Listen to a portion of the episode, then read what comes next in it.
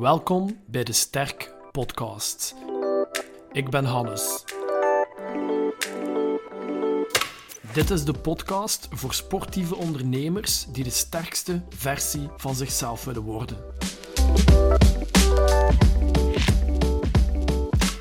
Vandaag ga ik in gesprek met Dries Nuitens over de Wim Hof methode. De Wim Hof methode is een combinatie van ademhalings-, mindset en koude oefeningen die jouw fysieke en mentale potentieel optimaliseren. Dag Dries. Hoi, dag Hannes. Hoe gaat het met jou vandaag? Ja, goed, goed, goed. De temperaturen zijn wat, wat kouder geworden nu. Welke impact heeft dat op u?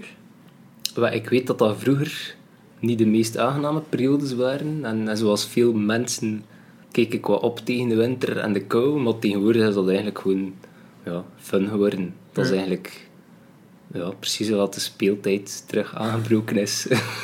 En hoe, hoe uit hem dat dan? Wat, wat, wat doe je dan in de winter dat je niet in de zomer doet? Of? Dan ga ik meer ehm mee blootstellen aan de kou dan, dan dat ik in de zomer eigenlijk doe. In de zomer ehm, is mijn koude blootstelling eigenlijk beperkt tot een frisse douche, maar die zijn minder fris dan, dan in de winter. En eh, regelmatig een, een ijsbadje nemen, maar ja, nu, nu heb je echt heel koude douches, kun je ook een keer een frisse wandeling gaan maken. Eh, licht gekleed gewoon eh, gaan wandelen buiten. In de zomermaanden heb je echt zo cravings naar de kou. Wel, eigenlijk, ja, ik, ik zit soms echt wel uit te kijken naar, naar de winter. En, en als de herfst begint en het, eh, ja, het is eigenlijk een beetje te, te warm voor de tijd van het jaar. Of, Ja. of- ja, dan is al zo, zit ik, blij- blijf ik zo wat op mijn honger zitten, laat het dan zo zijn. Vanaf hoeveel graden Ja. is het voor u koud genoeg? Goh, eigenlijk, eh, de, de, de temperatuur zegt niet alles. Het gaat eigenlijk vaak over de gevoelstemperatuur. Ja, want het kan, het kan min 5 zijn en, en aangenamer voelen dan dat het plus 5 is, maar dat echt zo'n, ja, dat wat misert en, en, eh, en een gure wind is. Ehm, maar ja, eigenlijk alles beneden de 10 graden begint zo wat Dan, plezanter te worden. Om, dan, dan leeft Dries op. ja, ja, ja. Ehm, ze noemen nu ook wel Dries Antivries. ja. Van waar de bijnaam? Goh, dat is eigenlijk eh, via een, een vriend van mij, een Antwerpenaar, en dat klonk dan waarschijnlijk heel goed, Dries Antivries. Ehm maar dat was op een, eh, een, eh, een zuiveringskuur dat ik mee was met ondernemende vrouwen. En daar was ik eigenlijk mee als masseur en ook wel ehm, ja, Wim Hof trainer. En dat is heel geleidelijk gegaan. Er zijn eigenlijk mijn eerste stapjes gezet. Nog voordat ik officieel trainer was, eh, liet ik de mensen er al kennis maken met de ademhalingsoefeningen. Ehm, met de kou, maar nog heel beperkt. En, en ik ben er verschillende keren mee geweest. Ehm, en elke keer ja, wat verder, wat intenser eh, de ervaring gemaakt voor die dames. En eh, ja, dus die vriend, dat is, dat is een van de medebegeleiders. Hij is op die bijnaam gekomen. Ehm, het is een beetje een dubbele naam zo. Het zit ook een beetje een verwachting in dat ik er precies voor kan zorgen dat mensen nooit geen kou meer gaan ervaren als ze bij mij training komen volgen. Ehm, Ik vind het, een grappig, ik vind het vooral ja, het klinkt vooral wel goed. Hè. Nu, nu vooraleer dat we verder gaan, vind ik het, eh, het heel belangrijk dat we ook duidelijk maken voor wie dat de Wim Hof methode niet geschikt is. Ja. ja, officieel is dat voor mensen die eigenlijk eh, gekende hartklachten hebben. Ja. Ehm, ja, maar die gaan zichzelf vaak ook niet zo blootstellen aan de kou. Ehm, kunnen dan helemaal de kou niet gebruiken? Ja, ik vind van niet. Ehm, maar als we het kort houden, dus eigenlijk mensen met hartproblemen, eh, mensen met epileptische aanvallen. Ja. En eh wordt ook gezegd, vrouwen in de zwangerschap, en dat gaat vooral over de laatste maanden, pak nu de laatste drie of zes maanden van de zwangerschap, de eerste drie maanden. Stel dat je zwanger bent, weet het niet, dat kan eigenlijk geen kwaad. Ehm, ja. Oké, dat is duidelijk. Ehm, hoe, ben je, hoe ben je dan in contact gekomen met de Wim Hof methode? Ik was eigenlijk eh, studies aan het volgen als eh, gezondheidsbegeleider. Eh, dat is een vierjarige opleiding. Ik zat toen in mijn, ik denk mijn tweede jaar. En ja, ik zat in mijn tweede jaar. En eigenlijk gaat het erover om, om het zelfgenezend vermogen bij mensen te gaan ondersteunen, versterken. op verschillende manieren. Dus dat kan met relaxatiebegeleiding, maar vaak was het vooral gericht op ehm, ja, externe factoren toevoegen. Uh, fysieke middelen, uh, voedingssupplementen, voeding aanpassen. dus je moest altijd iets in je lichaam brengen om, om dat systeem sterker te maken, om de immuniteit te gaan verhogen.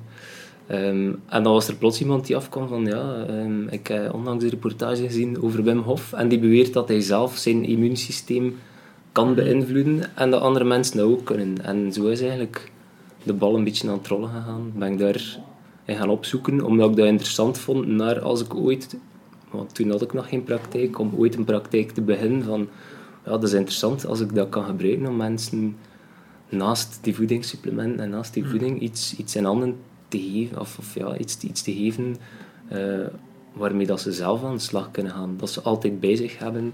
Dat is niet... Ja, Geen externe Dat eigenlijk ook niet veel geld kost, want ja, supplementen, dat is altijd zo... Ja, dat is tekorten aanvullen, maar dat zijn vaak ook momentopnames. Um, het is duur. Hmm. En, en dat was eigenlijk mijn insteek, ja. Hmm. Heb je hem al ontmoet? Ja, ik heb hem al... Uh, ja, mijn eerste ervaring was eigenlijk een, uh, een week in Polen. Dus, uh, ik had eigenlijk geprobeerd om, om een, uh, een, een, dagworkshop te volgen, of, of een korte workshop. Dat is er niet van gekomen en, en dan was plots van, ja, weet je, eigenlijk als ik het echt wil goed ervaren, dan moet ik gewoon naar Polen gaan, op winterstage.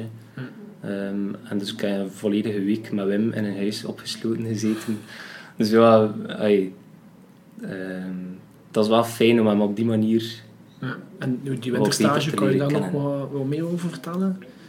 Ik was er eigenlijk naartoe gegaan zonder echt goed te weten wat, dat ging, wat dat we daar gingen doen. Ik wist wel dat we... Dus ik had filmpjes gezien van mensen die in een short en een bloot bovenlijf in de sneeuw in Berghand op wandelen waren. Um, maar, maar veel meer kon ik me daar eigenlijk niet bij voorstellen. Dus uh, ja, is eigenlijk een beetje daar gedropt in Polen. En de routine was eigenlijk heel, heel simpel, heel eenvoudig. Um, elke dag begon op dezelfde manier. Ademhalingsoefeningen en dan uh, een aantal yoga-poses. In de namiddag deden we fysieke oefening na het, na het eten. En dan was de koude blootstelling, ofwel gingen we, gingen we een wandeling gaan maken in de kou. Mm. Um, maar hetgeen dat en die wandeling in de kou was dan op je blote voeten en zo, en in de short? Of, uh... Je mocht wel... Uh, je moet weten, toen dat ik geweest ben, dat was uh, 2014, ja, dan, dan stond eigenlijk die Wim Hof methode nog echt in zijn kinderschoenen. Dus Wim Hof heeft eigenlijk een, een, ja, een lange voorgeschiedenis voordat hij dat in die methode gegoten heeft. En dat is eigenlijk pas ja, op het moment dat ze een, een, een onderzoek gedaan hebben op proefpersonen die ook bleken hun immuunsysteem te kunnen beïnvloeden, uh, dat dat echt zo in een, in een methode gebracht is en dat, dat, ja, dat ze daar trainingen in beginnen geven zijn. Dus voor mij was dat echt nog de, de rauwe... Ja, de echte pure... Rauwe, pure versie. En nu ben ik eigenlijk je vraag kwijt. Dat is ook even kwijt. Volgende vraag. Ik, uh, ik heb onlangs een, een podcast geluisterd met Wim Hof. Uh, en daaraan zei hij dat de koude jouw leraar is. Uh, wat heb jij al geleerd van de koude? Oh, al heel veel eigenlijk. Um, dat is iets waar dat we ons normaal gezien zo, zoveel mogelijk van afschermen. Uh, maar de kou laat je eigenlijk... Ja, eigenlijk gaat het om connectie maken met jezelf. Mm. Gaat eigenlijk... Je kunt niet anders dan voelen. Mm. Je kunt niet bezig zijn met wat je morgen nog moet doen, of dingen uit het verleden, of, of je zorgen maken. Dat is eigenlijk gewoon puur in het moment aanwezig zijn. Um, ja, je aandacht is eigenlijk alleen maar gericht op het voelen van die kou en ook hoe dat je er dan mee omgaat. Want dan moet je, ja, gaat je ademhaling gaan gebruiken om, om ook rust te vinden in iets dat dan eigenlijk ja, een stresserende situatie is voor je lichaam. Um, ja, dat is eigenlijk vooral die connectie met jezelf en de stilte. God, is het, ja. ja. Er zijn, dat is een heel directe manier om heel diep in je systeem te gaan. Ja. ja. Oké, en, en, en heb je er kunnen concrete voorbeelden geven van professionele situaties waarvan je het gevoel hebt van uh, de koude heeft me al geholpen om in professionele situaties rustiger te blijven of uh, betere beslissingen te nemen? Of...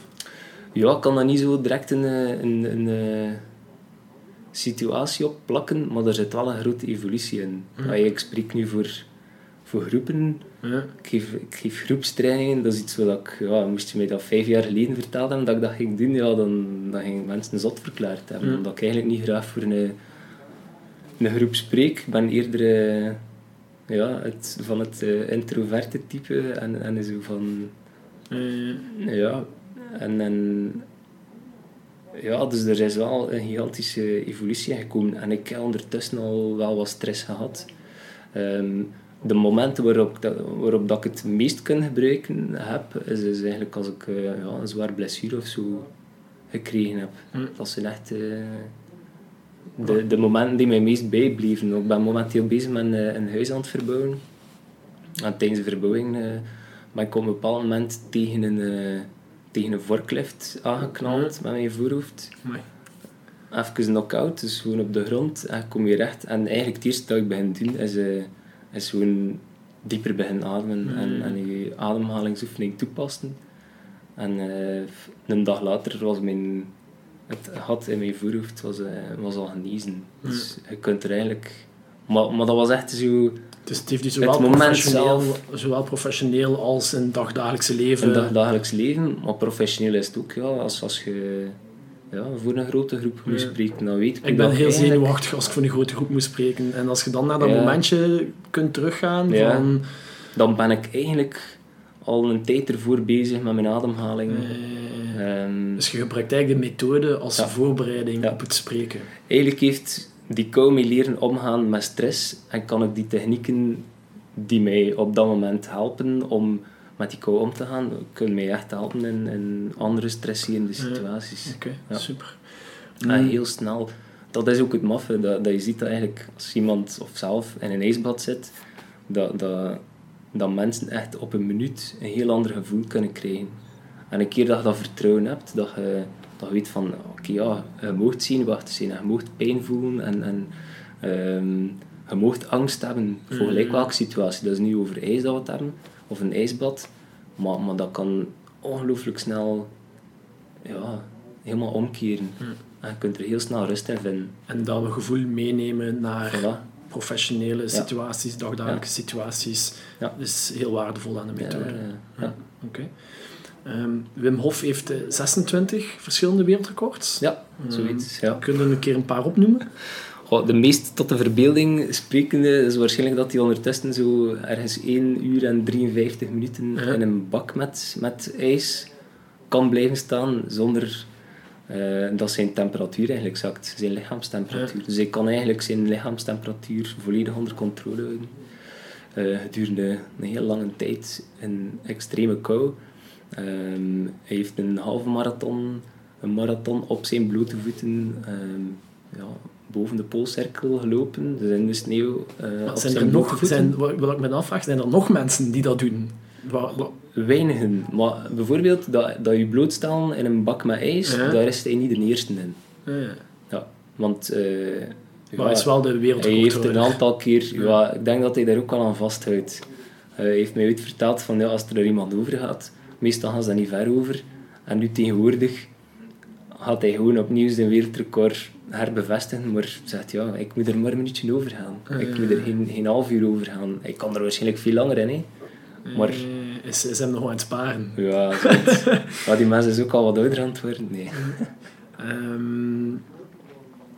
En wat veel mensen ook niet weten, is dat hij... Het gaat eigenlijk om omgaan met, met extreme temperatuur. Ja. Dus even, even goed een, eh, een wereldrecord in uh, Marathon de Sable. Uh, dat is de warmte dan. Ja, wat dan niet op, zich, niet op zich niet zo extreem is, want er zijn nog mensen die de Marathon Sable lopen, maar heeft dat gedaan zonder waterbevoorrading. Wat dat dan wel vrij extreem is. Ja. Zo gaat hij, op zoek naar, gaat altijd op zoek naar extreme en daar probeert hij records in te vestigen. Ja, maar eigenlijk aantonen dat wij, wij controle hebben over veel meer dan dat we vaak denken. Want dit gaat over je je vochthuishouding en extreme hitteomstandigheden. Nou, je loopt in de woestijn Ze verdampt gigantisch veel Mm. water. Mm. En, en toch overleeft een mens dat. En, en Ja. weet je ook nadien hoe lang dat hij daarvan moet recupereren? Want ja, kan dus- ik weet wel dat er een, dat is een aantal keer wel, wel wat minder gelopen is. Je zou hem dat eigenlijk moeten vragen, maar Ja. hij heeft eigenlijk wel al schade opgelopen ehm, bij bepaalde records dat hij eh, ondernomen heeft aan zijn voeten. Ja. Mm. Waardoor dat er dan ja, ja, waar dat hij dan wel even van moet recupereren, maar dan kan hij ook weer terugvallen gewoon op zijn Mm. ja, op zich, iets aan op je zijn voet, technieken, iets aan je voet Ja. is niet zo erg oké. Mm. Ik zou niet graag iets aan mijn voeten hebben, maar Ja.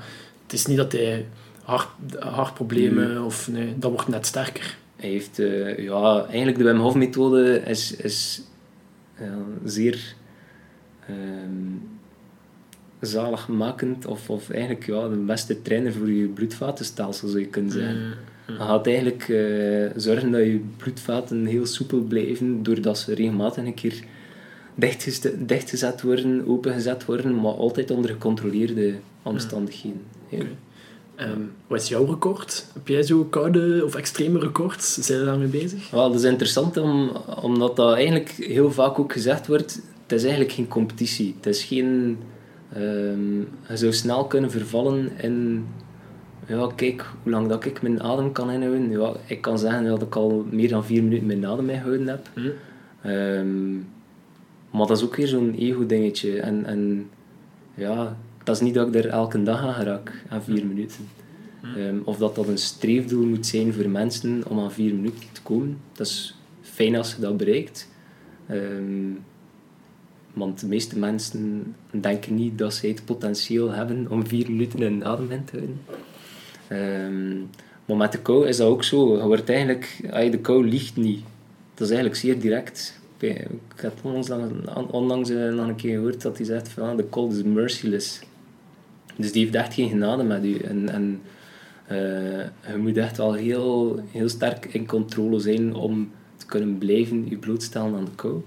En dat is op zich niet het doel van de Wim Hof methode. Om allemaal Wim Hofjes te worden die allemaal super lang in, in ijs kunnen zitten. Hm. Het is geen competitie, lijkt dat Nee. Ja. nee, het is echt van... als, als je nu kijkt naar de, de fysiologische voordelen dat, dat de Wim Hof methode heeft met de koude blootstelling, dan is eigenlijk je maximum bereikt na 1 minuut, anderhalve minuut in een ijsbad zitten. Dus eigenlijk al hetgeen erboven is ook weer goed voor je ego, als je dan daarna er snel van recupereert en als je snel weer warm hebt. Ehm, en dat is leuk ook om ermee te spelen. Hm. Ik stop ook meestal niet na een minuut. Hm. Ehm, maar ja, eigenlijk is dat voldoende. Ja. Je moet niet altijd meer willen dan... eh, ja. Als je een ijsbad neemt, hoe, hoe, hoe doe je dat dan? Is dat, moeten, worden er bepaalde stappen doorlopen? eh? Ja, ik speel er eigenlijk altijd mee. Ik zeg dat ook tegen de mensen. Eigenlijk, eh, een van de slagzinnen is feeling is understanding. En, en er is eigenlijk geen standaard routine voor iedereen. Maar Je zou, je zou denken van wel de Wim Hof methode Ja. er gaat een duidelijke structuur Ja. zijn om in zo'n ijsbad te kruipen. Ja. ja, ik weet nog de eerste keer dat we in Polen waren, waren er ook mensen die vroegen van ja, hey, hoe, hoe zit het programma in elkaar? En, en eigenlijk zei hij, ja, the program is that there is no program. en, en dat is eigenlijk een beetje de... Ja, als ze proberen dat natuurlijk wel in een, in een, in een model te gieten en dat dat door iedereen, iedereen een beetje op dezelfde manier gegeven wordt. Dus eigenlijk gaan we ons fysiek opwarmen voordat we in een ijsbad gaan. Ehm, Maar ons dat kan- mentaal rustig maken. Maar eigenlijk kunnen we daar dan een keer dat je dat, ja, dat je daar wat meer ervaren in bent, ga er echt mee gaan spelen. Dan is het net veel interessanter om de omstandigheden te gaan veranderen en te kijken van oké, hoe, hoe reageer ik daar nu op? Maar dat zijn wel de En- twee basis... Dat zijn wel de twee pijlers. Ja. Jezelf fysiek opwarmen Ja, dat en gaat jezelf eigenlijk, mentaal eh, rustig krijgen. Dus eigenlijk in basistrainingen ga ik dat ook wel doen. hè. Ja. En- Dus dat is eigenlijk jezelf fysiek opwarmen. Ehm, dat doen we met de horse stand, licht gebogen door de, als je met de benen wijd, licht door de knieën gebogen staan. Ehm, om echt die grootste spieren van ons lichaam Ja. onder spanning te zetten, zijn de bilspieren. En, eh, en daarin eigenlijk te gaan bewegen, geluid te maken Eh, Zo wat tai chi achter ja, tai chi bewegingen. Maar eigenlijk altijd ja, wel gericht op bepaalde zones. Eigenlijk ja, de grootste spiergroepen onder, onder spanning gaan zetten in beweging om daar warmte op te wekken. Dus daar gaat het eigenlijk om. Dus het is niet gewoon soepel staan dansen. Ehm, maar er zit echt wel een, een, een idee achter naar gewoon je lichaam opwarmen, de spieren opwarmen voordat je je in die kou eh, begeeft. Ja. Ehm, en mentaal tot rust komen, Ja. wordt dat dan ook bij dat, wordt dat dan gekoppeld aan dat fysieke of is dat een afzonderlijk deel? Dat, dat is eigenlijk, eh, dat loopt allemaal door elkaar. Eigenlijk dat mentale, dat is eigenlijk het stukje mindset training. Dat, dat, dat is echt, ja, ik zie dat als ja, verweven in, in elke oefening dat we doen, van ademhalingsoefening tot inderdaad die fysieke opwarming. Want ja, op den duur voelt ook verzuring in je benen. Hoe gaat het daar weer mee om? Ga je weer je ademhaling gaan gebruiken, maar die ademhaling is ook weer interessant om mentaal rust te vinden. Die focus op je lichaam, want je voelt van alles. Dat zorgt ook dat je mentaal meer gefocust bent op jezelf. En het is eigenlijk dat dat we zoeken, van eigenlijk de focus bij jezelf te gaan houden. Ehm, ja, en, en als voorbereiding op een ijsbad nog niet bezig te zijn met het ijsbad op zich, maar eigenlijk volledig met jezelf. Met je ademhaling, met eh, je fysieke opwarming. En je eigenlijk ja, niet, niet te veel te laten beïnvloeden, eh, afleiden door externe factoren. Dus die, die horse stance is een voorbeeld van een oefening die Ja. zou kunnen gebruikt worden. Ja. Ehm, nu, de Wim Hof methode maakt ook gebruik van één specifieke ademhalingsoefening. Ja. Ehm, kan je die eens toelichten? Ja, dat is eigenlijk een heel eenvoudige oefening. Een heel eenvoudige ademhalingsoefening. eh, maar die zeer effectief werkt in het, eh, ja, het oppompen van je lichaam met zuurstof. Dus eigenlijk eh, heel veel zuurstof in je systeem brengt tot ja, in de diepste plaatsjes van je lichaam. En eh, langs de andere kant gaat het ook heel sterk ontzurend werken. Dus je gaat eigenlijk ja, een soort gecontroleerde hyperventilatie doen. Door snel en diep in- en uit te ademen. Ehm, waarbij dat je dus meer en meer zuurstof in je systeem brengt. En minder en minder CO2 in je systeem overhoudt. Ja. En na het in- en uitademen, dat doen we een dertigtal keer, eh, gaan we in een retentie op lege longen. Dus eigenlijk na de uitademing gaan we stoppen met ademen, wetende dat je gigantisch veel zuurstof in je systeem zitten hebt, ehm, dat je zeer weinig CO2 in je systeem zitten hebt. En dan eh, ja, kun je vrij lang je adem inhouden. Ja, want, Willen we dat een keer Ja. proberen hier? ja, zeker. Live. Dus Ja. eh, we zitten nu Ja. op een stoel. Kunnen we dat op een stoel doen? Ja, in, eh, in workshops doe dat meestal al liggend. Want er zijn een aantal bijwerkingen als je de ademhalingsoefening doet. Namelijk dat je wat licht in je hoofd kunt voelen, hè, dat je wat duizelig kunt zijn. Ehm, en, en dat is echt gaan, gaan, gaan leren omgaan met dat gevoel en daar controle over te houden. En als je op een stoel zit, ja, dan, dan is, dat, is er een groot risico dan dat je neerligt op de grond. Omdat je van Ja. je stoel zou kunnen vallen. Voilà. Ja. Oké, dus ehm, Maar we de, kunnen mensen, wel, eh, ja, de mensen die willen meedoen, kunnen meedoen. Ja. Heel belangrijk, denk ik, is eh, als je in een auto zit of zo op dit moment, eh, als je aan het luisteren bent. Voilà. Dat is wel, ja, of als je in een bad of in een zwembad zit, doe, dus die oefeningen worden zeker niet gedaan in het water, bij water, dus niet onder je douche of, of eh, in een zwembad. Eh, maar dus zeker ook niet al rijdend. Eh, dus als je nu aan het rijden zit met een auto, Ja. onthoud waar dat we nu zitten en Ja. doe die oefening even thuis. eh. Maar ja, toch wel heel voorzichtig mee zijn. Er is zeker wel een bepaald risico. Ehm, Dus maak dat je gewoon een veilige omgeving hebt. gaan we een keer, een keer samen proberen. Hè? Ja. Ja. Oké. Dus we gaan 30 keer diep in en uitademen. En het inademen is eigenlijk inademen op een vrij ontspannen manier, maar wel diep en volledig. Eh, En als dat gaat, dan kun je eigenlijk beginnen met naar je buik te ademen. Trek je door naar je borst. Eventueel nog verder naar het hoofd. Dus dat kunnen we even proberen. Dus we gaan dat drie keer doen. Dus diep inademen. En los. Diep in naar de buik, borst, hoofd. En los. En nog een keer diep in. En los.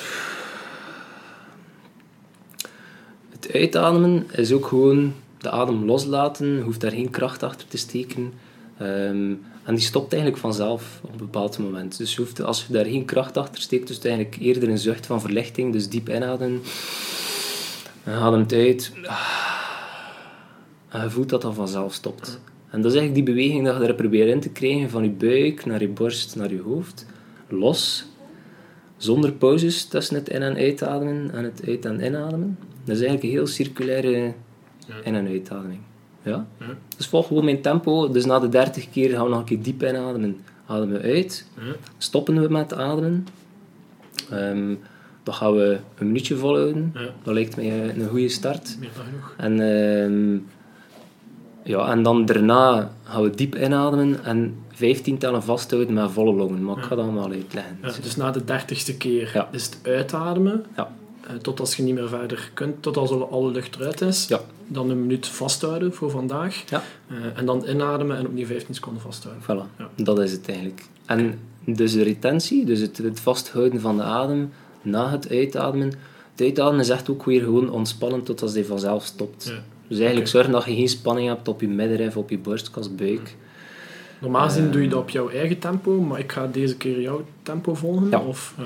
Ah, wel, eigenlijk eh, interessant is om te weten dat je eigenlijk stress aan het opwekken bent met het in- en uitademen. Dus moet je snel genoeg in- en uitademen. Ja. Ja, Het is eigenlijk geen, geen relaxatieoefening, het in- en uitademen. De relaxatie komt eigenlijk nadien. Ja. In de retentie ga je eigenlijk ja, onmiddellijk wel voelen dat je de ben klaar voor. Oké, goed. Dus we ademen diep in. En los. Diep in. En los. Diep in. En los. Van de buik naar borst. En los. En los. Diep in. En los. En los. Diep en volledig in. En los. Nog twintig. En het kan zijn dat je wat tintelingen voelt in je lichaam. Het kan zijn dat je wat licht in je hoofd voelt. Maar blijf gewoon diep Diep en volledig inademen en los. Nog tien.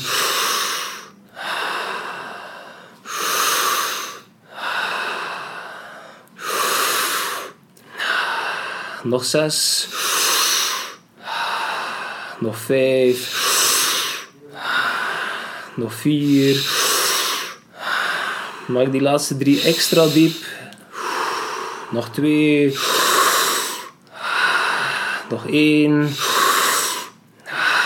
Oké, nog een laatste keer diep in of dat je kunt. In, in, in. En dan rustig loslaten. En dan stop je met ademen.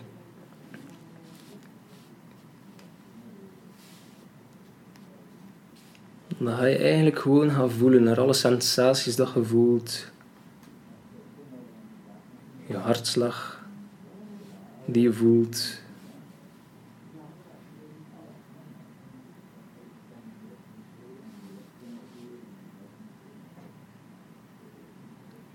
Tintelingen dat je voelt. Je gaat eigenlijk volledig je aandacht naar binnen brengen, naar wat jij voelt in je lichaam. Er is altijd wel ergens een plaats die aandacht vraagt en dit is echt een ideaal moment om ook even die aandacht te geven.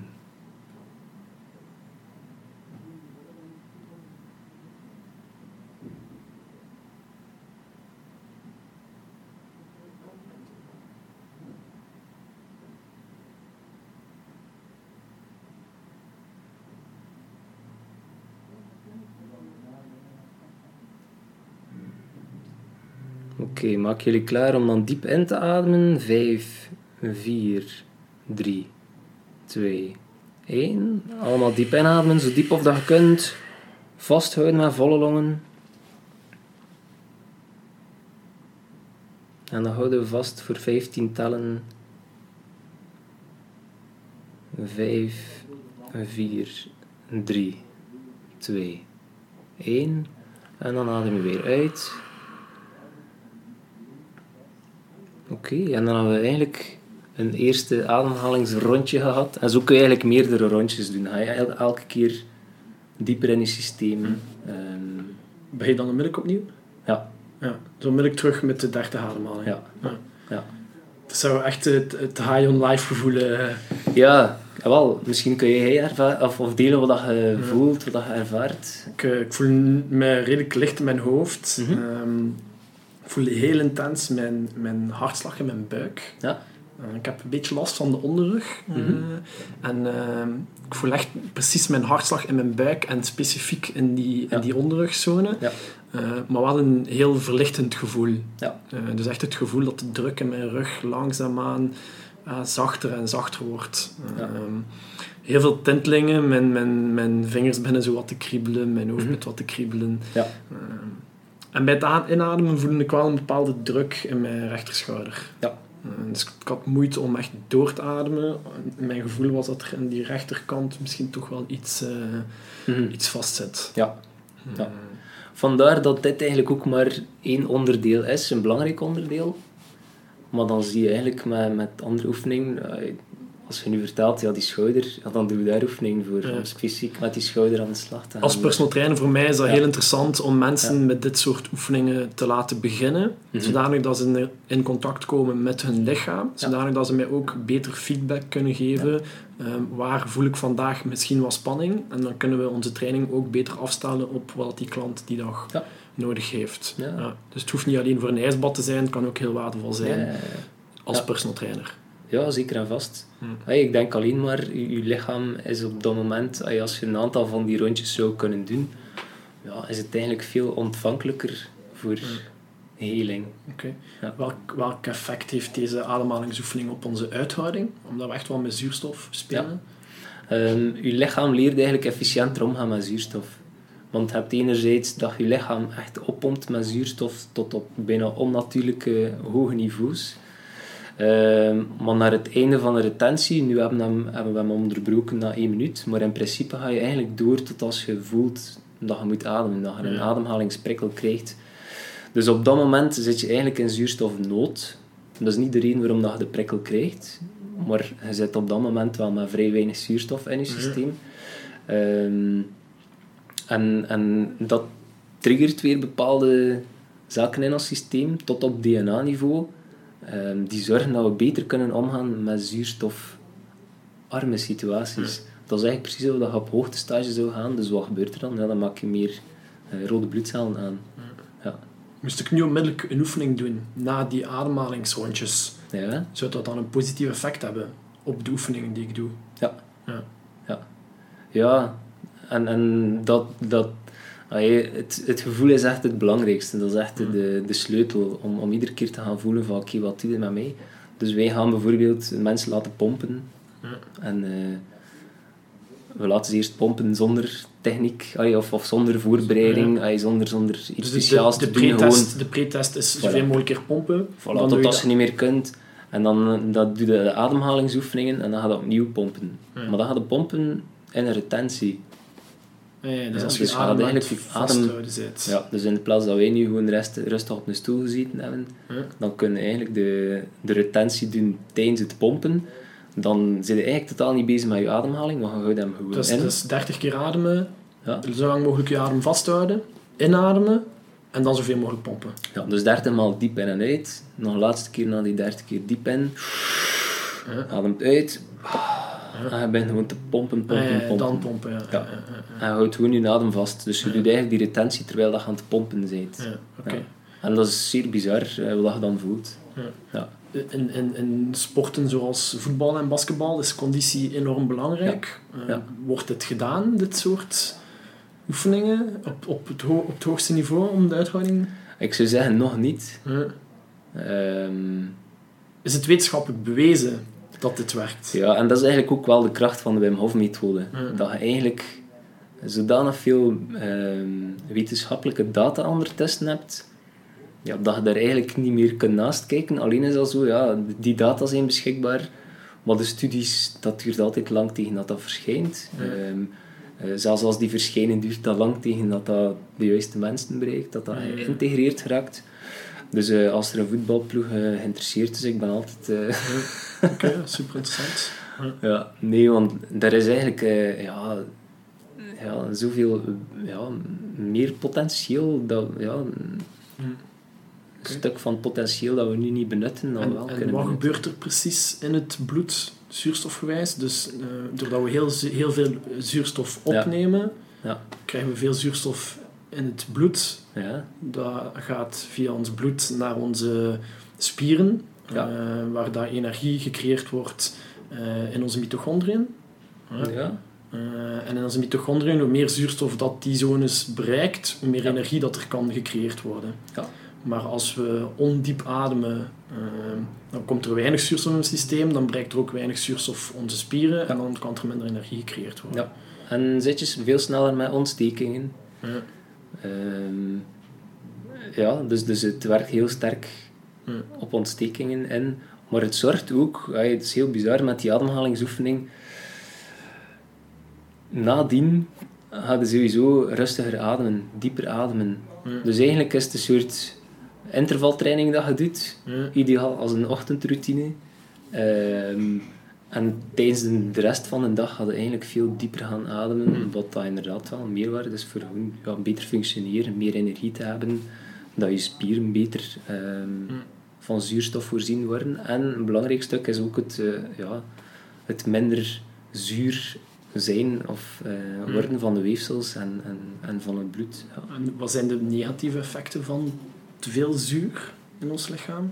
Dat je dat nu al een paar keer... Dan krijg je eigenlijk eh, verstijving van weefsels. Dus ons lichaam, als er zich verzuring opstapelt, we hebben verschillende manieren om ervan af te geraken. Onder andere ademhaling, via de urine, via ons zweet. Ehm, maar als die verzuring onvoldoende ons lichaam kan verlaten, dan ze natuurlijke uitscheidingsmechanismen niet kunnen volgen. Hè, want verzuring dat is ook stress, dat is straling, dat is, eh, dat is luchtvervuiling, ehm, van alles uit onze voeding. Dus al die factoren werken verzurend in op ons systeem. Als ons systeem niet kan volgen, dan gaat ons lichaam dat gaan bufferen. Ja, want het kan niet in het bloed blijven. Dus dat gaat zich bufferen in de weefsels. Maar weefsels zijn normaal gezien, ja, tussen de cellen is alles mooi vloeibaar. Eh, als, dat, als die stoffen daar opgeslaan worden, krijg je eigenlijk meer een gelachtige structuur. En, en ja, je minder zuurstof krijgen op die plaatsen. Krijg je minder zuurstof op die plaatsen. Ehm, Je weefsel wordt er stijver van. worden er stijver van. En, en, ja, En dat kan bijvoorbeeld ook hard weefsel zijn en... Ja, maar dat gaat als laatste, want je hart krijgt nu wel vrij veel zuurstof, is ook heel veel in beweging. Ehm, nee, dat gaat eer- eigenlijk gaat dat eerst op de minst gevaarlijke plaatsen. ja, ja. En mensen hebben dan 's morgens ja, een stijf gevoel als ze opstaan. Of, of, ja, dat is eigenlijk eerder dat, dat je lichaam aan het verzuren is. En naarmate dat we ouder worden, hebben we dat meer en meer en steken we dat op de leeftijd. En ik heb ontdekt dat dat eigenlijk allemaal zever in pakjes is. Dat je eigenlijk op elk moment van je leven terug vooruit kunt gaan. Ja. De leeftijd een- een excuus is. Ja, dat, is, dat wordt zo vaak gezegd. Ja, maar ja, dat is de leeftijd. Vanaf nu gaat het alleen maar achteruit. Maar dat is, Ja, als je op deze manier verder gaat, inderdaad. ik hoor het dan in de, ik Ja. geef training en ik hoor het ook dagelijks van... eh, Ja, ja. Het gaat vandaag wat moeilijker, het zal de leeftijd wel zijn. Ehm, maar vaak, vaak zijn dat ook de mensen die dan niet openstaan voor dat soort oefeningen. ja, dat weet ik niet. Die moet dat eigenlijk, het is echt gewoon, ey, ik kan hier alles uitleggen wat ik wil. Ja. Het is echt iets dat je moet ervaren. En dat je, ook niet na één workshop dat je zegt van, wauw, kijk, mijn leven is nu helemaal veranderd. Dat is ook door daar intensief mee aan de slag Ik te denk wel dat mensen overtuigen van zoiets te proberen, Ja. ehm, zodanig dat ze, de, dat ze het effe- effectief kunnen gaan ervaren, eh, is dat, dat de methode effectief wetenschappelijk onderbouwd is. Kun je een keer wat meer vertellen over het, eh, het E. coli-experiment? Ja. Ja, dus dat eh, aan een eh, universiteit in, eh, in Nederland dat ze een experiment gedaan hadden, omdat ze zagen bij Wim Hof dat hij effectief zijn immuunsysteem, zijn immuunreactie kon onderdrukken. Ehm, ja, gedacht van, ja, dat is interessant dat hij dat kan, maar ja, ze zagen hem eerder als een freak of nature, eh, met een of andere afwijking. En dan hebben ze eigenlijk een groep testpersonen genomen, waarvan dat de ene helft getraind werd door Wim Hof in Polen. Eigenlijk dezelfde training dat ik dan een aantal jaar later gedaan heb. Ehm, en een andere groep die gewoon in Nederland gebleven is, die, die niks gedaan heeft. En dus wat zagen ze als ze die een testgroep na een korte training, want ze hebben eigenlijk dus een week in Polen gezeten, dan hebben ze een week in Nederland gezeten en dan hebben ze die een test gedaan. Dus daar, tussen dat ze Wim Hof leerden kennen, de methode en de test, zat er twee weken tussen. Ehm, dus ze spoten alle proefpersonen in met een verzwakte um, E. coli-bacterie. En een normale reactie van iedereen, van elke mens op deze planeet, is om daar een koortsreactie reactie op te krijgen en een soort griepachtige symptomen te krijgen. En dan zagen ze dat bij alle proefpersonen en Wim Hof, die getraind waren in de Wim Hof-methode, dat zij er eigenlijk in slaagden om die, die reactie, dus die, die griepachtige reacties, om die onder controle te houden. En die aan ja, bijna geen, geen temperatuurstijging, die voelden zich eigenlijk niet echt slecht. Terwijl dat die anderen echt uh, serieus ziek geweest zijn. Mm. Um, okay. Dus aan, een, aan een universiteit dat dat getest geweest is. En dat was eigenlijk revolutionair, want dat is eigenlijk op, nou, op dat moment is er voor het eerst echt wetenschappelijk aangetoond dat wij in staat zijn om ons immuunsysteem zelf te, in, te beïnvloeden, terwijl dat eigenlijk aanzien wordt als een deel van het auto in, uh, autonoom zenuwstelsel. Dat is autonoom, wij kunnen daar eigenlijk geen, geen invloed op hebben. Ay, tot dan. En ondertussen zijn er al universiteiten in Amerika die dat opgenomen hebben in hun uh, handboeken over uh, immuniteit. Dus dat is echt wel baanbrekend. Um, en de resultaten die daaruit kwamen, uh, hebben ze eigenlijk kunnen verder toepassen op andere groepen. Want wat zagen ze dat er heel heel veel anti-ontstekingseiwitten vrijkwamen. Mm. Um, die zorgden voor suppressie van die immuunreactie. Mm. Adrenaline kwam vrij, ook weer suppressie van de immuunreactie. Mm. Um, en dat zijn ze dan eigenlijk gaan gebruiken bij mensen die ontstekingsziekten hebben. Maar eigenlijk, ontsteking is de basis van, van elke ziekte hier in ons, uh, ja, in, in ons Westen, ging ik zeggen in het Westen. En het, is, het is de aanmaak van adrenaline en cortisol op het juiste moment dat ontsteking de, kan onderdrukken. Ja. ja. Die eigenlijk dan zorgen voor... Um, ja, adrenaline zorgt er ook dat je je beter voelt, dat je... Uh, ja, dat je kunt blijven doorgaan. Uh, maar het zorgt ook inderdaad voor die uh, anti-ontstekingseiwitten die vrijkomen Um, waardoor dat er gewoon minder ontstekingseiwitten ja. in het systeem ja. zijn. En die wilde zo laag mogelijk houden om eender welke ziekte of blessure um, te vermijden. En vaak, ja, als je het woord adrenaline hoort, denkt van oh, dat is slecht. En cortisol, dat is slecht. Maar doordat dit op een gecontroleerde manier gebeurt, en dat ook een intervaltraining doet, hetgeen dat we net gedaan hebben, het in- en uitademen, is niet het meest aangename. Dus eigenlijk vorm van stress dat je gaat gaan opzoeken, dan bouw je eigenlijk je adrenaline niveau gaan, gaan, gaan boosten. Maar dan daarna ga je in de retentie ga je eigenlijk in een hele, hele diepe rust zakken. En die intervaltraining zorgt er eigenlijk dat tijdens de rest van de dag ook je uh, adrenalinepieken wegblijven. Dat je eigenlijk beter om kunt gaan met stress. Stabieler. Ja, dat eigenlijk... Daarom niet dat je nooit geen, geen, geen stress meer kunt ervaren. Maar je fysiologische reactie is onder controle. Je gaat eigenlijk niet meer van die, hmm. van die pieken krijgen, of wat veel mensen vaak hebben, dat zo, ja, stress continu aanwezig is en dat je de tijd zo kleine vrijhaven zet van, van adrenaline, cortisol en dat stopt nooit. Hmm. Ja. Zit jij vaak ziek?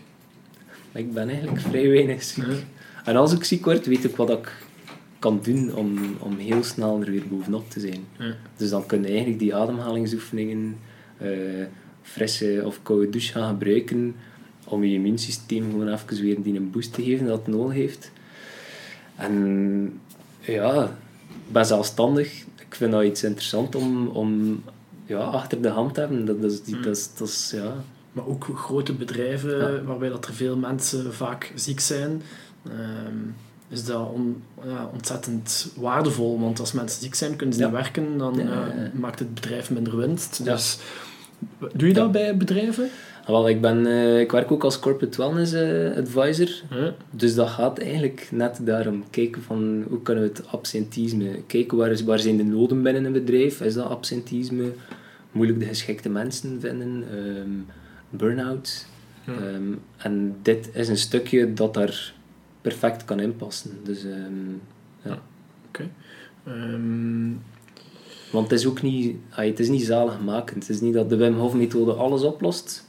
Maar het is wel een heel interessante en in de basis wel een hele... het is een, het is een interessante visie Ja. die, op, eh, die als een van de wapens kan ingezet worden. Ja. Maar het is niet Ja. de enige visie. Nee, Eh, voilà. Ik denk dat dat inderdaad wel een Maar belangrijke... dat heeft in mijn leven wel heel veel dingen in beweging gezet. Ja. Je bent dus minder vatbaar voor ziektes. Ehm, is, het, eh, is het ook interessant voor mensen die reeds ziek zijn en chronische aandoeningen hebben, gelijk eh, reuma of hart- en vaatziekten? Ja. Wel, daar zie je eigenlijk dat... Dus daar zijn wel al vrij veel studies rond... Ah, er zijn, zijn al studies om, rond gebeurd. Eh, als we kijken naar reuma, reumatoïde artritis, wat dat eigenlijk wel vrij heftig is qua impact op mensen. Die ja, op een bepaald moment, als dat verder gevorderd is, ook echt bewegingsbeperkingen ervaren. Heel veel pijn. Die dus ook medicatie moeten nemen. En eh, ja, daar zien ze dat eigenlijk mensen na het volgen van dit programma voor een iets langere tijd, want dat ga je ook niet op een week Ja. oplossen. Eh, maar ook niet, eh, ja, dat is ook niet dat je daar jaren moet bezig mee zijn, maar na een maand of drie, dat mensen eigenlijk zonder medicatie verder kunnen en dat die terug geloof krijgen in hun eigen kunnen. Ja. En dat die in plaats van altijd meer en meer beperkt worden en, en beperkt worden door hun aandoening, dat die daar weer uit, ja, weer, weer kunnen uitbreken en weer ja, bewegelijker worden en weer meer dingen kunnen beginnen doen. En, en ja, eh, ja. En veel van die auto-immuunziekten, ja, ik zeg het, ontstekingen liggen eigenlijk eh, aan de basis. Ja. Dus als je deze gericht kunt aanpakken, ehm, ja, is het heel waardevol om, eh, om te weten. Ja. Ehm, en depressie, dat is een soort van ontsteking in de hersenen dan Ja. of zo? Ja. Ja. Dat wordt meer en meer zo ook eh, onderkend. Dus ehm, ga je eigenlijk werken op de ontstekingen in de hersenen, waardoor dat je in principe minder kans hebt op depressiviteit, ehm, of makkelijker uit die depressiviteit kunt geraken. Ja. Ja. Ehm, maar daarnaast, ja, als je blootstelt aan de kou, krijg je nadien ook echt een heel goed- gevoel. Is dat Veel dan mensen- dopamine, meer Voilà, dopamine dus, die dus dan gaan vrijkomt? er eigenlijk heel veel hoop eh, hormonen, endorfines vrijgegeven worden die ons gewoon blij maken. En, en ja, dat is ook weer iets dat je, ja, die zeer eh, positief inwerken op mensen met, met depressie. Ja. Ja. Oké, super. Ja. Ehm, hoe komt het dat, dat Wim Hof zo lang tegen die enorme kou kan? En Ja. dat ik na één minuut zoiets heb van... "Oeh, Oké, een minuut, oké, maar dat is meer dan genoeg voor mij. Ja. Komt het dat hij dat wel kan en dat dat... Ja. Je moet weten dat ay, Wim Hof is daar, niet, eh, is daar niet van het ene moment op het andere ingerold. En eigenlijk, wat ik meer en meer ook ontdek, dat is echt de, de meditatie, de focus, Ja. die enorm sterk is. ehm, focus die heel sterk nodig is om niet onderkoeld te geraken. eh, of niet heel snel koud te hebben in, Mm. eh, ja, in koud water. Ja. Ja. Vanaf hoeveel graden ben je onderkoeld? Goh, dat kan afhankelijk van de temperatuur het gewoon sneller onderkoeld geraken. Ehm, ik heb ooit nog eh, zeven minuten in eh, water van 0 graden gezeten. En ehm, ja, dan, daarna had je tijd nodig om op te warmen. Maar er was wel één iemand die er 10 minuten in geweest is, ehm, die ook mee geweest was naar Polen. Eh, dus die eigenlijk de Wim, Hof methode kende, beoefende en die er toch wel afgevoerd is met zware onderkoelingsverschijnselen. Ja. Zijn dat is ook lichaamstemperatuur was te laag gezakt. Ja, en dan krijg je echt wel een hevige reactie dat je, dat je begint te rillen en dat je dat niet meer onder controle krijgt. En dat die temperatuur eigenlijk ja, niet omhoog geraakt. Want trillen is een mechanisme van je lichaam om warmte op te wekken. Om terug op te warmen, maar als je daar dus niet van opwarmt, ja, dan, dan ja, heb je extra hulpmiddelen nodig. Hm. Maar zo ver gaan wij nooit. Hm. Dat is eigenlijk ja, heel uitzonderlijk, extreem. Dus ja, het is natuurlijk, als het, als, het, als het water midden in de winter, als dat 2 graden is, dan ga je daar geen 10 minuten gaan inzetten. Hm. Als je dat niet weet dat je dat kunt. Dus dat is eigenlijk geleidelijk aan wennen aan de kou en zien hoe ver dat je kunt gaan. Als, je, als het water 10 graden heeft en je zit er 5 minuten in en daarna heb je 2 uur nodig om je op te warmen, ja, dan ga je ook geen, geen 5 minuten bij, bij 2 graden in dat water gaan zitten. Hm. Hm. Beetje gezond verstand. Vooral gezond verstand gebruiken. Ja. Ja. Zijn er al doden gevallen met de Wim Hof methode? ja, er zijn al doden gevallen. Hm. Ja. En voordat je daar laat door afschrikken, dat is eigenlijk, ja, ja, er worden auto's verkocht en daar zijn ook al doden bij gevallen. Hm. Dus dat gaat, eh, ja, tegenwoordig leggen ze wel veel meer de nadruk op de veiligheid. Dus wat ik gezegd heb, doe dat nooit als je in of bij water zit. Ehm, het is zeer verleidelijk als je zo lang je adem kunt inhouden van dat onder water ook te doen. Maar eh, dat houdt wel een serieus risico in. Omdat als jij niet ademt, gaat je lichaam op een bepaald moment wel zeggen van oké, nu moet je ademen. Als je dat te veel forceert en tegenhoudt. Ehm, en dan ga je even van jezelf. Hm. Ehm, daarna krijg je altijd terug een ademhalingsreflex. Dus op het droge is dat geen probleem. Dan weet je niet eens wat er gebeurd is. Je voelt je even lekker als ervoor. Eh, maar onder water is dat je laatste keer dat je gaat ademen. En zo zijn er inderdaad wel gevallen bekend. Is dat de Wim Hof methode die dan gevaarlijk is? Ja, nee, het gaat om, om hoe dat je het toepast. En je moet eigenlijk wel weten waar dat je mee bezig bent. Hm. Ja. Ik heb dat automatisch zo een gezond, een gezond verstand en ik ga die risico's nooit... Ja. Ik, ga, ik ga die bepaalde lijnen ga ik nooit overschrijden. Eh, maar sommige mensen hebben daar wel moeite mee. Hè. Ja. Die kunnen Ja. dat moeilijker aanvoelen. Nee, dat is waar. En, en dat is ook... Ja, uit nieuwsgierigheid soms dat mensen... Voor de competitie. En, en die competitiviteit en het ego dat zegt van, oh, ik kan dat wel. Ehm, en dan wordt het eigenlijk, ja, wordt het risico groter. Want ik heb al gezegd, de kou die ligt niet. En, en die is zeer confronterend. Ehm, ik zie dat vaak bij mensen, als die te ja, zelfzeker zijn en ook, ga wel even een, eh, een ijsbadje pakken, dat die het vaak veel moeilijker hebben dan mensen die daar toch wel een zeker ontzag voor hebben en die daar eigenlijk veel minder zien zitten. Maar die gaan zich helemaal anders voorbereiden. Die luisteren ook veel beter naar wat ik zeg naar, in de voorbereiding. Terwijl iemand die zoiets zegt van... Oh, makkie, ik, ik doe bijvoorbeeld al koude douches al, al jaren. Een ijsbad zal wel niet zoveel erger zijn. Herkenbaar. Ja, maar, maar dan... Ja, dus... eh, ik probeer de mensen daar ook wel bewust van te maken. Heb je, zelf dat zo al, belangrijk heb je zelf al problemen gehad tijdens een, een sessie die je zelf hebt toen waard? Dat je eh, oncontrole- oncontroleerbaar begon te rillen? Of... Wel, het is zo, als ik, eh, als ik zelf workshops geef, dan wil ik altijd zelf ook in controle blijven. En, en de veiligheid garanderen voor iedereen. Dus dan ga ik bijvoorbeeld zelf niet mee in, de, Ja. in een ijsbad. Ja.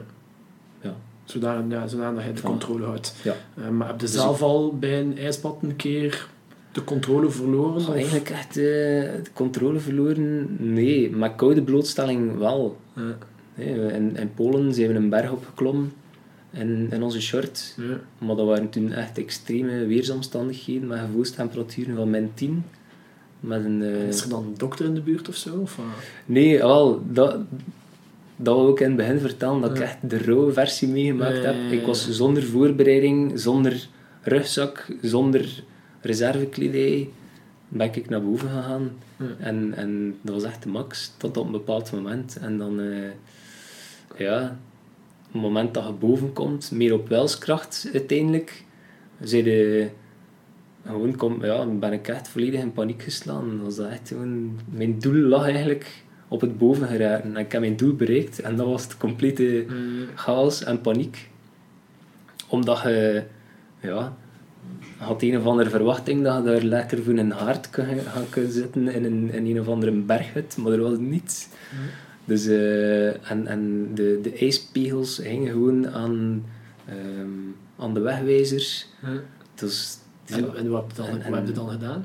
ja, dan was het echt zo snel mogelijk. Dat was echt gewoon pure, pure paniek naar beneden. Maar wel nog altijd blijven, oké, goed, ademen, ademen. Maar, maar eigenlijk van binnen is het echt gewoon paniek. En zo rap mogelijk naar beneden. En zie, ik heb ook overleefd. Ik denk dat het wel Ehm, waardevol is dat jij als begeleider Voilà. dat snapt en dat ervaren hebt en Ja. mensen op die manier ook beter Ja. kunt begeleiden door, door dat proces. Ja, en dat is eigenlijk... Dus ik heb ook de trainersopleiding gevolgd en daar hebben ze ons echt wel extreem uitgedaagd om ook te ervaren dat je te ver kunt gaan. En ze hebben ons ook wel echt te ver laten gaan, over de grenzen laten Ja. gaan. Ehm, Om het te snappen. Ja, om mensen ook veel beter te kunnen waarschuwen en, en beter te kunnen begeleiden daarin. Hm. Dat, dat je daar heel wijs moet mee omgaan met de kou. Oké. Ja.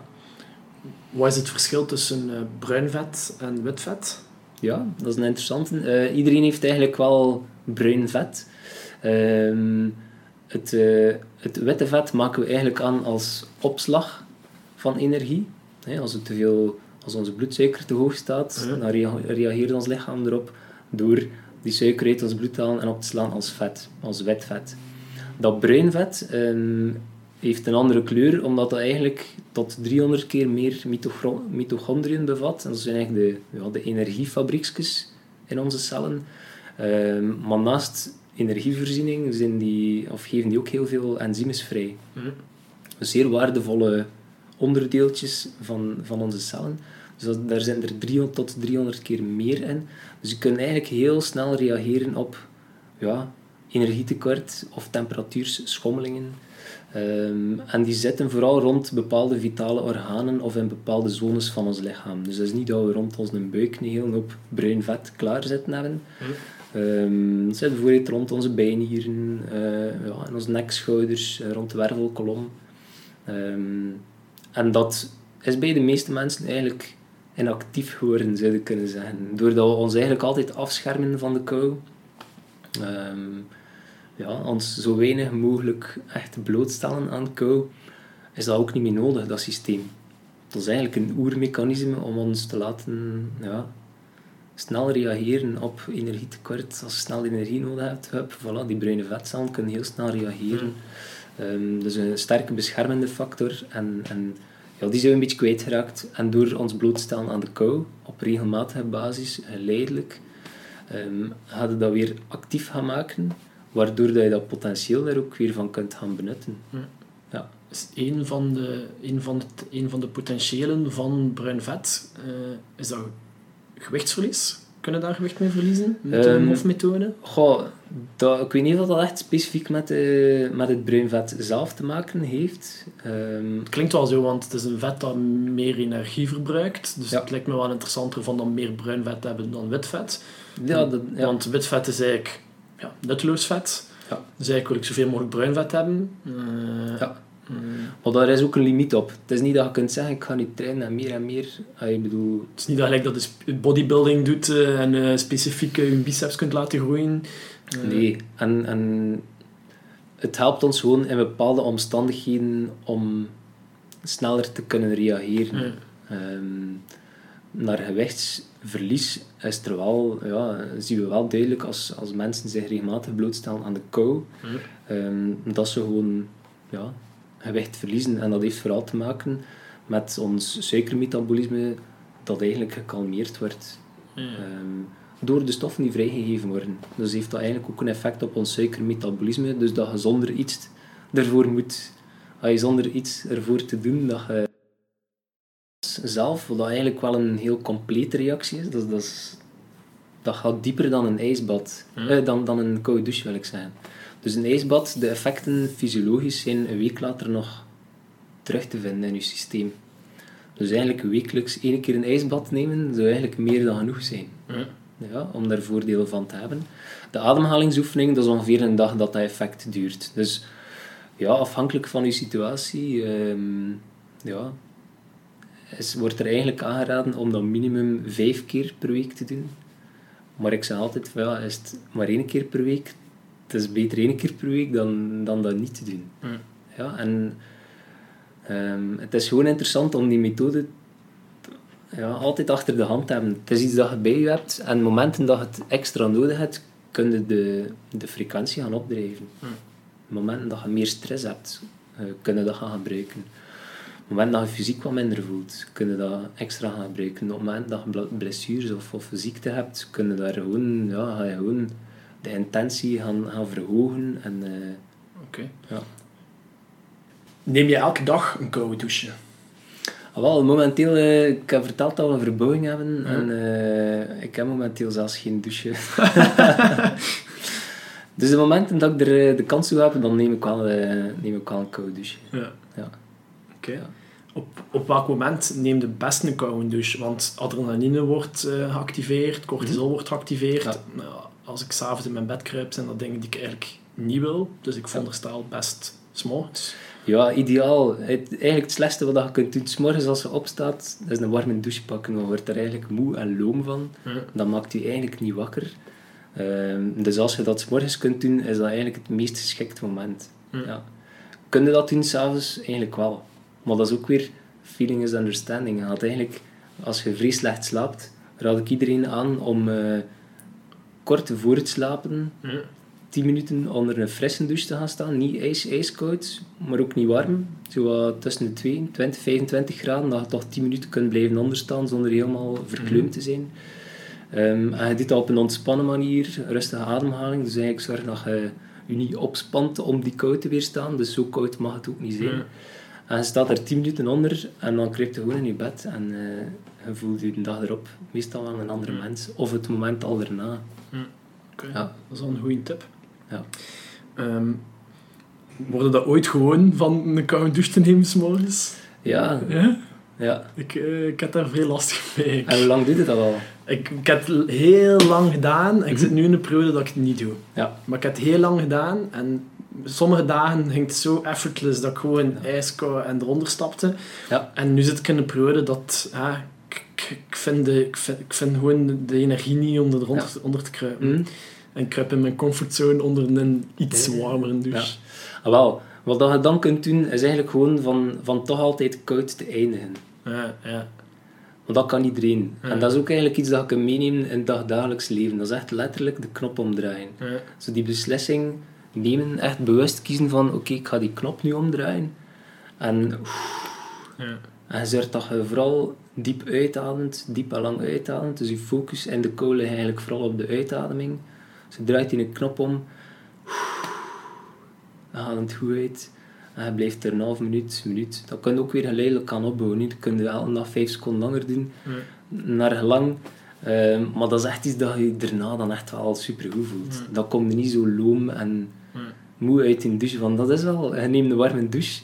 Je blijft in die comfortzone, maar ja, je gedachten blijven doorgaan.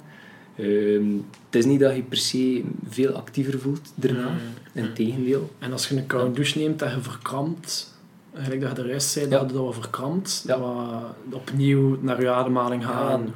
Dat is echt weer ja, daarvoor echt gaan voelen van oké, hoe sta ik er hierbij? Ja. En als dat Want- echt niet lukt, als je toch zo blijft verkrampen, elke keer opnieuw, Dan gaat het veel geleidelijker aan gaan doen.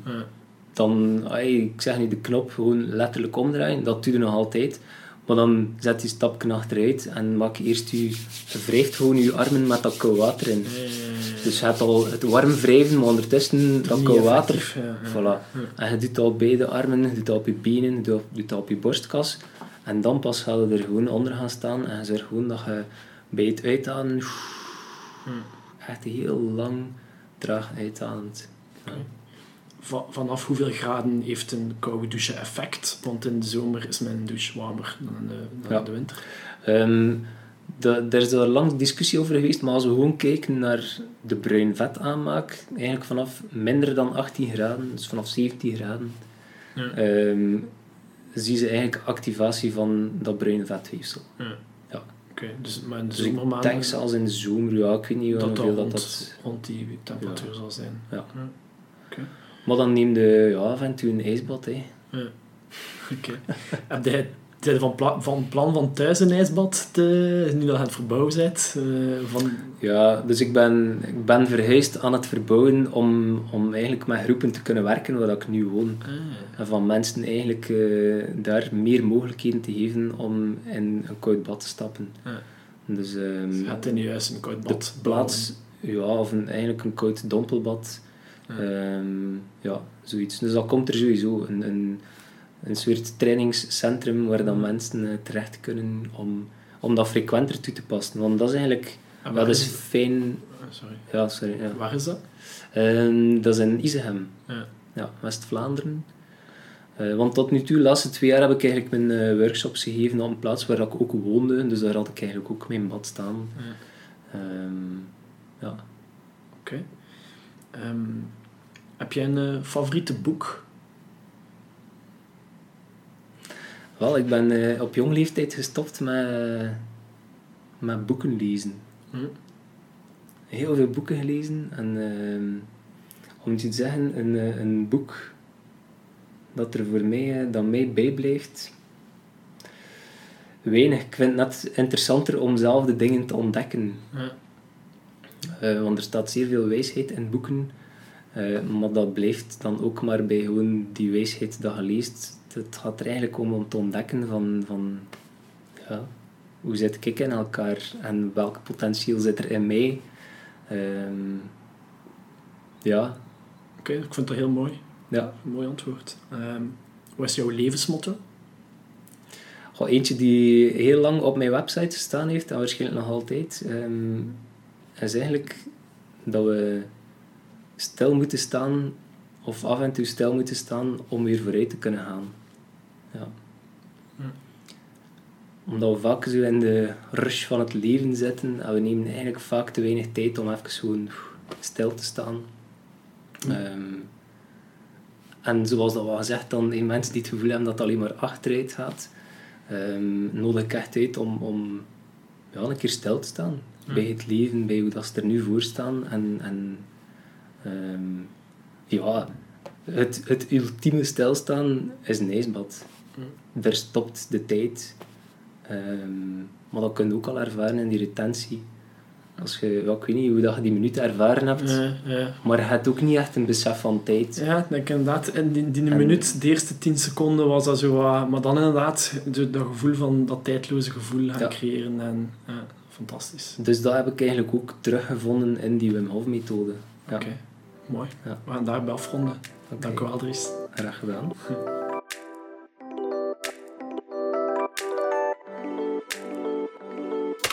Wat neem jij mee van dit gesprek? Laat het me zeker weten en help ook de mensen rondom jou door deze podcast te delen via jouw sociale media. Dat zou vrij wijs zijn.